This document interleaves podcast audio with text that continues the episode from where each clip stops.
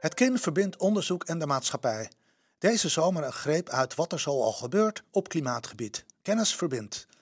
Vandaag in editie 22 van de Kindcast de mogelijkheid voor een schonere industrie. De organisatie Natuur en Milieu werkt samen met de overheid en bedrijven om de Nederlandse industrie te verduurzamen.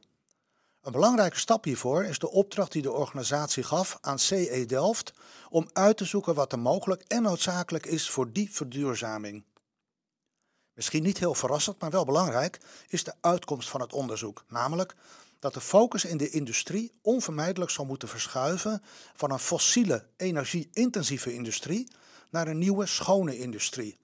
Er is dus geen plaats meer voor het gebruik van fossiele grond- en brandstoffen, volgens de opstellers van het rapport.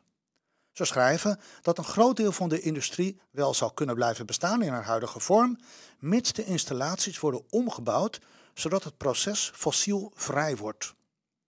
Ruud Kortlever, onderzoeker grootschalige energieopslag aan de TU Delft, is optimistisch over de mogelijkheden.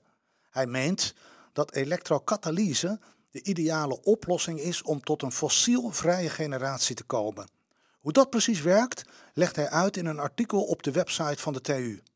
Zijn optimisme dankt hij aan het feit dat er elk jaar weer doorbraken zijn die hij vijf jaar geleden niet had kunnen bedenken. En hoewel resultaten uit het verleden geen garantie bieden voor de toekomst, kunnen we er misschien inderdaad wel wat hoop uitputten.